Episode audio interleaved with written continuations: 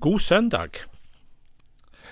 I åpenbaringstida blir vi kjent med de forskjellige sidene ved Jesu person, og det gjennomgående spørsmål disse søndagene spør, det er hvem er han? I dag besvares dette spørsmålet gjennom beretningen om når Jesus ble døpt av Johannes. Og vi leser evangelieteksten slik vi finner den i Matteus kapittel 3 og ifra vers 13.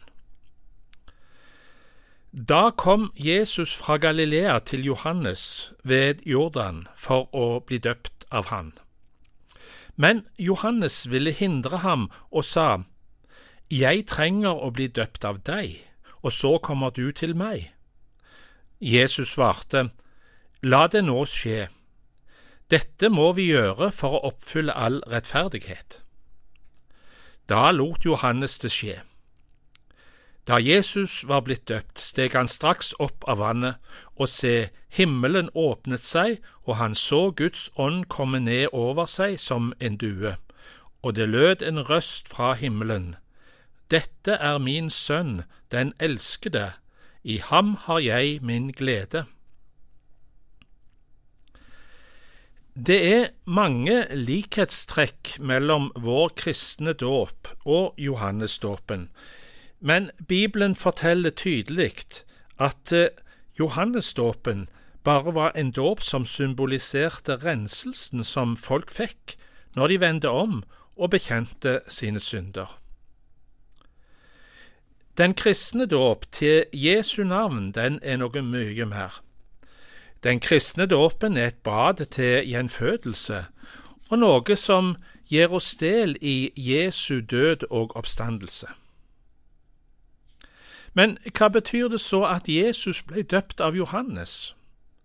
Og hva betyr dette at Jesus ble døpt for min frelse?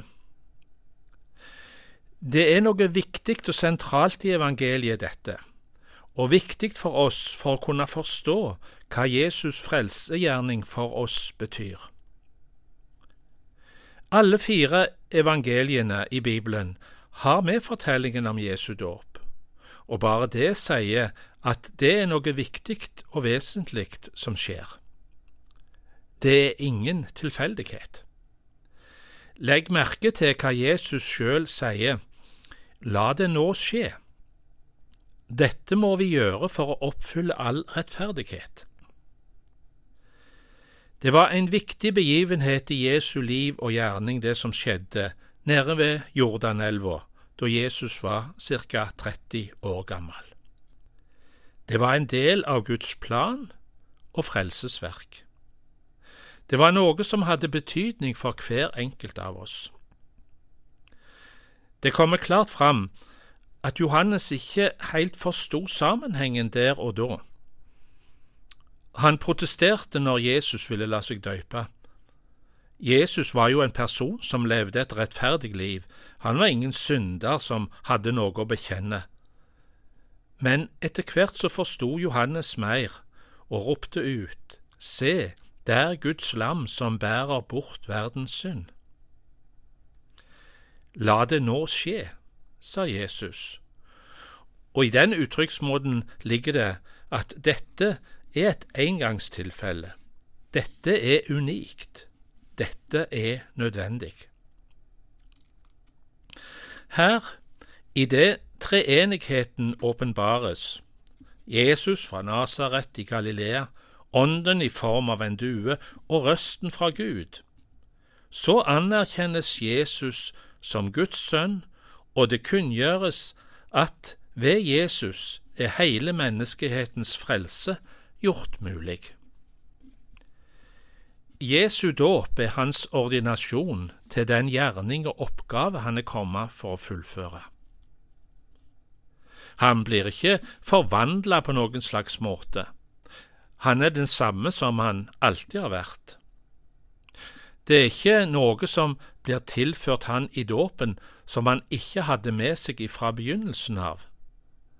Men nå, fra han er rundt 30 år gammel, starter hans egentlige oppdrag etter ei lang forberedelsestid. Nå er tida kommet. Nå blir han innsatt til tjeneste. Han vedkjenner seg sitt oppdrag.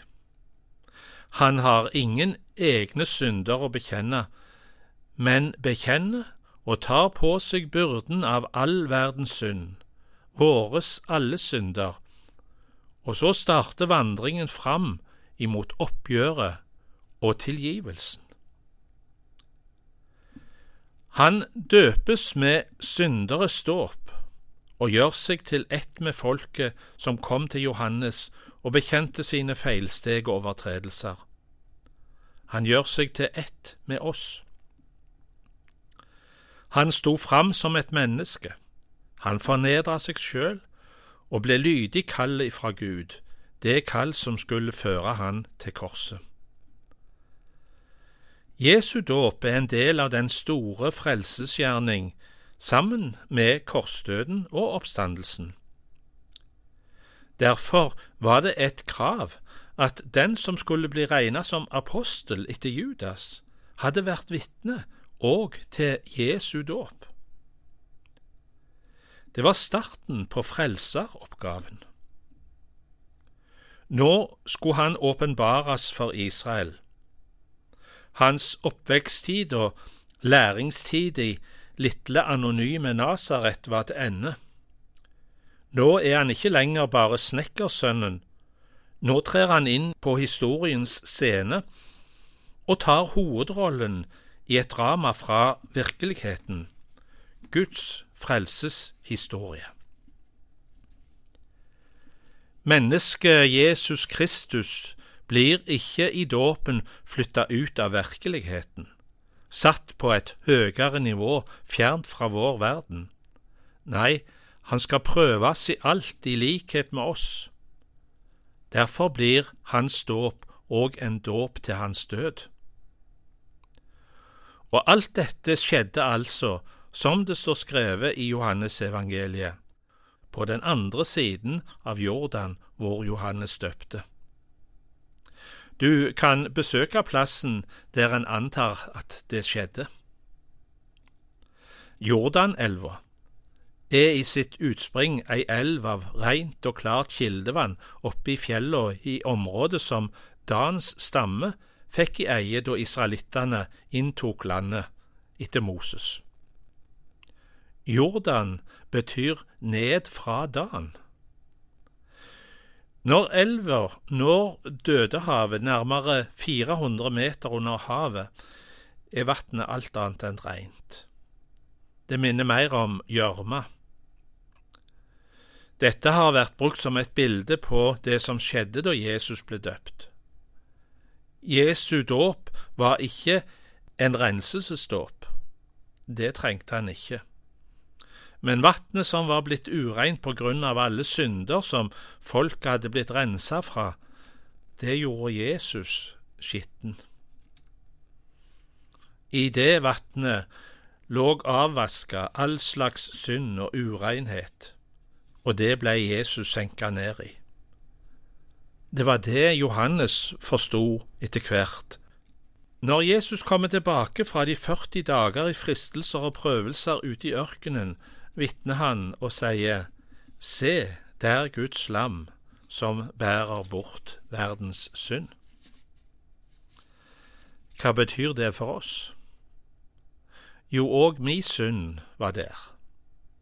Jesus blei døpt for at mi synd skulle bli tatt med i oppgjøret han gikk imot. Alle som blei døpt av Johannes, måtte bekjenne sine synder. Gjorde Jesus det?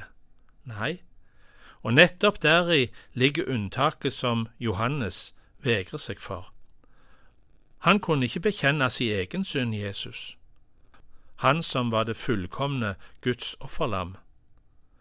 Men han tok våre synder på seg og bekjente de som sine. Slik er han et menneske som oss, slik er han den nye Adam stamfar til det nye Guds folk, født inn i Guds familie ved Den hellige ånd. Han renser oss idet han med sitt liv innstifter en ny dåp. Den kristne dåp, der vi med troen på frelsesverket får tilgivelse og nåde, og Ånden daler ned over våre liv og tar bolig i oss. Der er det rent vann, der er nådens kilde. La oss be. Hellige Gud, du lot din sønn bli døpt for å bære verdens synd. Vi ber deg, forny oss i vår dåp, og innvi oss til et liv der vi alltid følger etter deg og tjener deg. Gi oss å leve i din tilgivelse, så vi alltid, frimodige og glade, kan bekjenne at vi tilhører deg, du Guds sønn. Amen.